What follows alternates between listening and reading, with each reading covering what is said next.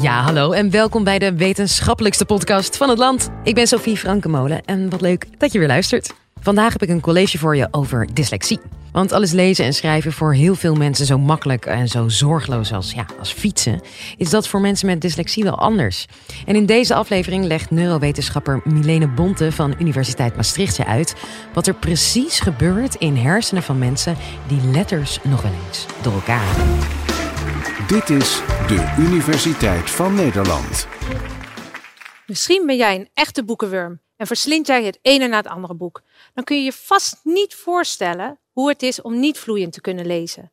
Maar er zijn ook vast genoeg kijkers bij wie het lezen helemaal niet zo soepel gaat.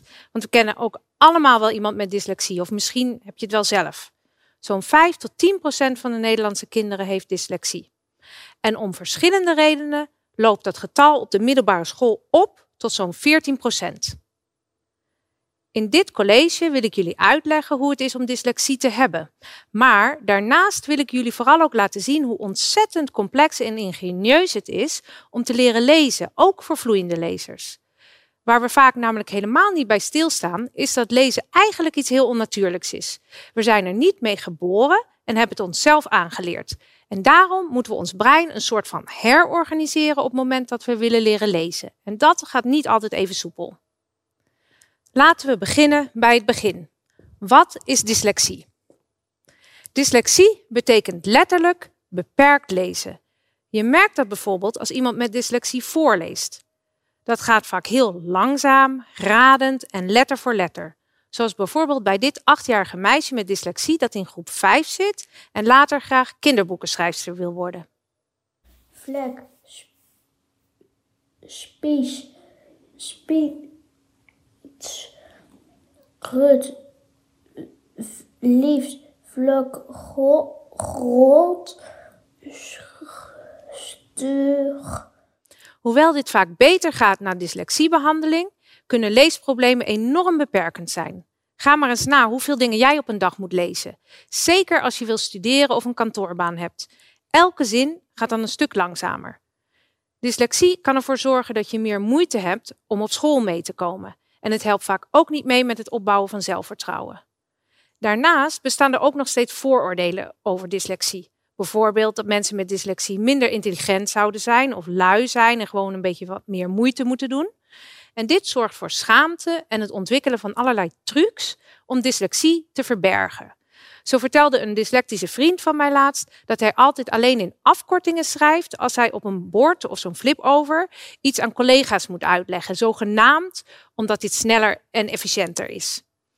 Dyslexie is dus niet zomaar een onschuldig probleempje en zorgt ervoor dat je heel wat meer moeite moet doen om mee te komen in de maatschappij. Maar hoe ontstaat het dan? Kun je het bijvoorbeeld terugzien in het brein? Als we naar scans van de hersenen kijken, kunnen we niet direct zien of iemand dyslexie heeft of juist heel makkelijk leest. Er is bijvoorbeeld niet één specifiek gebiedje dat altijd precies op dezelfde manier afwijkt bij mensen met dyslexie. En er bestaat dus ook niet zoiets als het dyslectische brein. Maar zit dyslexie dan ook wel in de genen? Er zijn inderdaad genen gevonden die een link hebben met het ontstaan van dyslexie. En we weten ook bijvoorbeeld dat wanneer een van je ouders of je broer of je zus dyslexie heeft, de kans dat jij het ook hebt zo'n ongeveer zo'n 40 tot 50 procent is.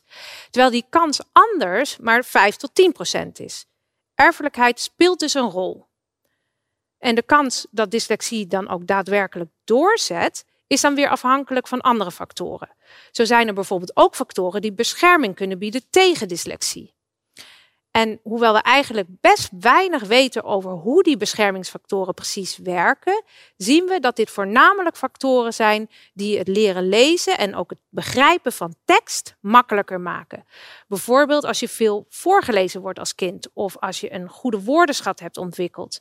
Maar het helpt ook als je je niet makkelijk uit het veld laat slaan wanneer je fouten maakt.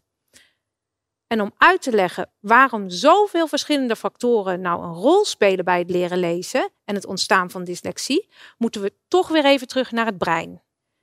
Als kind leer je van jongs af aan hoe, hoe je moet praten. En dat gaat ons vaak eigenlijk best wel makkelijk af, omdat ons brein hiervoor tijdens de evolutie heel mooi geoptimaliseerd is. En bij lezen is dat niet zo. Want de geschreven taal is iets dat mensen pas ongeveer 5000 jaar geleden bedacht hebben. En dat is relatief kort voor evolutiebegrippen. Wij moeten dus die geschreven taal zien te koppelen aan de gesproken taal die we al kennen. Je moet dus leren hoe dat wat je hoort er op papier uitziet. En daar komt nog best veel bij kijken. En als we leren lezen, is het dus heel belangrijk dat we de letters op papier goed kunnen herkennen. En voor dat herkennen van die letters hebben we alleen geen specifiek hersengebied. We moeten dit zelf creëren tijdens het leren lezen. En wat we dan doen, we maken een hele kleine aanpassing in een hersengebied voor visuele waarnemingen hier achter in de hersenen. En dit gebied is oorspronkelijk bedoeld om objecten te herkennen, zoals bijvoorbeeld een tafel of een stoel. En door te lezen trainen we een deel van dit gebied zodat het heel mooi gespecialiseerd wordt in het herkennen van letters. En dan denk je misschien, nou ja, dat kan toch nooit zo lastig zijn? Maar een tafel herkennen of een letter herkennen is nogal een wezenlijk verschil. Dus deze aanpassing vergt nogal wat van het brein. We kunnen het daarom niet van nature in één keer goed doen. En juist die complexiteit laat de kinderen ook heel mooi zien, dyslexie of niet. En dat kan ik hier bijvoorbeeld heel mooi illustreren aan de hand van deze tekeningen. Want iets wat heel veel kinderen op jonge leeftijd doen, is in spiegelbeeld schrijven. Ze vervangen bijvoorbeeld een B door een D of andersom. En vrijwel alle kinderen maken deze fase door als ze beginnen met schrijven. En daar is een verklaring voor. Want voor het herkennen van objecten in onze omgeving is het heel belangrijk dat we de rotatie van links naar rechts negeren. Bijvoorbeeld als de oor van een kopje naar links staat en de andere keer naar rechts staat, dan herkennen we dit kopje nog steeds als hetzelfde kopje. En het visuele gebied is dus ingesteld om juist dat spiegelen van objecten te onderdrukken. Om het ons makkelijker te maken en om verwarring te voorkomen. Maar als kinderen leren lezen, onderdrukken ze dat spiegelen dus ook. Dus ieder kind zal daarom aan het begin een D en een B door elkaar halen. En dat vergt dus training. Daarom schrijven we kinderen soms in spiegelbeeld en moeten we ons brein weer een beetje manipuleren en aanpassen, zodat het spiegelen specifiek als het gaat om letters juist niet onderdrukt wordt. Vervolgens is dat nog niet genoeg, want dat nieuwe gebiedje voor letters moet verbonden worden met het auditieve cortex. En die auditieve cortex zit hier naast de oren en is gespecialiseerd vanaf jonge leeftijd in het herkennen van taalklanken van de moedertaal. Dit begint met kleine woordjes zoals bijvoorbeeld dada en mama. En die hebben we dus al. Maar ook hier is het weer complexer dan gewoon het simpel aanleggen van een connectie. Er komen ook weer andere functies bij kijken, zoals bijvoorbeeld geheugen, begrijpen van tekst, aandacht bij de tekst. En door het hele brein worden dus allerlei verbindingen aangelegd om dat mogelijk te maken. Ook daar blijft het weer niet bij, want er is nog één moeilijkheid. Als we een letter willen koppelen aan een geluid, is dat een heel specifieke klank, bijvoorbeeld een b of een r. En die afzonderlijke klanken van een letter moet je ook nog leren. En ik kan me voorstellen dat het eigenlijk best wel vaag aanvoelt. En het is misschien ook wel een beetje technisch. Maar het wordt vast duidelijker als ik even een geluidsfragmentje laat horen. En in dat geluidsfragmentje horen jullie eigenlijk gewoon een heel simpel woord. Brood. Het is helemaal niet zo vanzelfsprekend om hier de aparte klanken in te kunnen onderscheiden. Wij kunnen allemaal lezen, dus wij weten heel goed dat je hier een b en een r hebt en een lange o en dan vervolgens een d die je uitspreekt als een t. Als je niet kunt lezen, bijvoorbeeld iemand die analfabeet is, dan hoor je dat helemaal niet, want je bent die niet bekend met die losstaande klanken. Dat is namelijk iets wat je normaal gesproken totaal niet nodig hebt als je leert praten. Dus, als we het samenvatten, in de eerste fase van het leren lezen zijn er drie aanpassingen noodzakelijk. Ten eerste moet het visuele gebied geherorganiseerd worden en ingericht worden op het herkennen van letters. Daarnaast moet je het auditieve gebied afzonderlijke klanken aanleren. En dan is er misschien nog wel de meest belangrijke aanpassing. Deze twee gebieden die moeten weer nauw met elkaar verbonden worden. En, want je moet de klanken goed leren koppelen aan de letters die je op papier ziet. En nu komt de aap uit de mouw. Precies, dit leerproces loopt vaak lastiger bij mensen met dyslexie. En dat kunnen we bijvoorbeeld laten zien, of beter gezegd laten horen, aan de hand van een recent onderzoek onder universitair studenten. Zowel mensen met als zonder dyslexie. En ik ga dit testje ook eens met jou doen. Het is heel makkelijk. Je hoeft je alleen maar even te luisteren en verder hoef je niks te doen. Dus ik laat jullie nu eerst een paar lettergrepen horen. We beginnen met de eerste reeks. Ti bu go la da tu ti go pa go ku go mi pa da mi da tu pi tu go mi pi do pa mi da tu go mi tu go mi bu ku bu. Oké, en nu laat ik nog een keer een reeks horen. Mi da ku pa do ti mi da ku tu pi go go la bu tu pi go go la bu pa do ti go la bu pa do ti tu pi go mi da ku. In het echt duurde dit testje uiteraard een stuk langer. Maar misschien is het een aantal van jullie toch nu al opgevallen.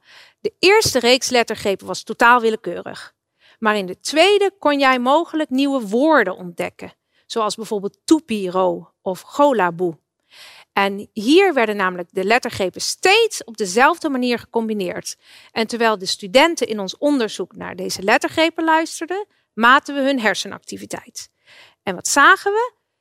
Bij de lettergrepen die steeds op dezelfde manier gecombineerd waren, zagen we dat de hersenactiviteit van de deelnemers na een tijdje synchroon begon te lopen met het ritme van die nieuwe woorden. En dat betekent dat onze hersenen iets aan het leren zijn. We herkennen een bepaald patroon in die nieuwe woorden. Bij de willekeurige lettergrepen zie je die leercurve helemaal niet. En dat is eigenlijk best logisch, want door die willekeurige volgorde valt hier helemaal niks te leren. Maar als we nu in detail kijken naar die leercurve, zien we eerst een piek in die synchronisatie en daarna neemt die weer af. En dat wil mogelijk zeggen dat je ergens eerst heel goed je aandacht op gaat richten en dan vervolgens weer iets minder, omdat je die regelmatigheid eruit hebt gepikt. En die piek zit hier dus ongeveer zo rond de acht minuten. En wat nu verrassend is, bij mensen met dyslexie ziet deze curve er net iets anders uit. We zien dus ook weer een toename. Ze leren dus wel, maar dit gaat een stuk langzamer en geleidelijker. En de piek is ook een stuk lager. En hoe lager de piek, hoe meer moeite mensen hadden met ook weer andere taken waarin ze iets moesten doen met de losse klanken uit woorden, zoals bij het broodvoorbeeld. Dit soort verschillen in leercurves zien we ook wanneer we bijvoorbeeld kinderen met dyslexie taakjes laten doen waarin ze letters en klanken moeten leren koppelen. En dit is precies een van de redenen waarom bijvoorbeeld Engels een extra lastige taal is voor mensen met dyslexie. Daar kan namelijk dezelfde klank vaak op verschillende manieren geschreven worden, wat het leren van die koppelingen tussen letters en klanken extra moeilijk maakt. Denk maar eens bijvoorbeeld aan de woorden eet en leed. Italiaans is op dat vlak juist weer een stuk makkelijker, omdat daar elke klank precies op dezelfde manier geschreven wordt. Kortom, er komt een hoop kijken bij het proces van het leren lezen. Dat de meeste mensen dus überhaupt vloeiend leren lezen is eigenlijk een klein wonder. Maar goed, dat maakt het niet minder vervelend voor mensen met dyslexie. Kunnen we dit nu voorkomen? Helaas kunnen we het niet helemaal tegenhouden. Daar is het gewoon te complex voor. Maar we kunnen het wel makkelijker maken door dit soort onderzoek te doen en meer kennis te krijgen over dyslexie en leesontwikkeling. Dan kunnen we dyslexie in de toekomst eerder herkennen en kinderen bijvoorbeeld eerder dyslexiebehandeling geven.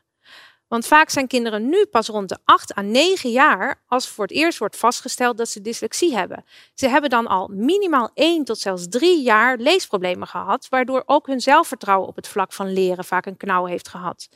Dus hoe eerder je dyslexiebehandeling kunt starten, hoe beter.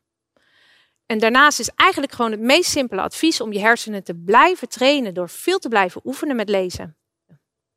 Goed, terugkomend op de beginvraag. Hoe ontstaat dyslexie? Achter het leren lezen gaat een ontzettend ingenieus en complex systeem schuil. Dat wij in staat zijn om onze hersengebieden helemaal om te vormen tot expertisecentra voor het lezen is eigenlijk heel bijzonder. Niet gek dat het daar wel eens iets mee misgaat.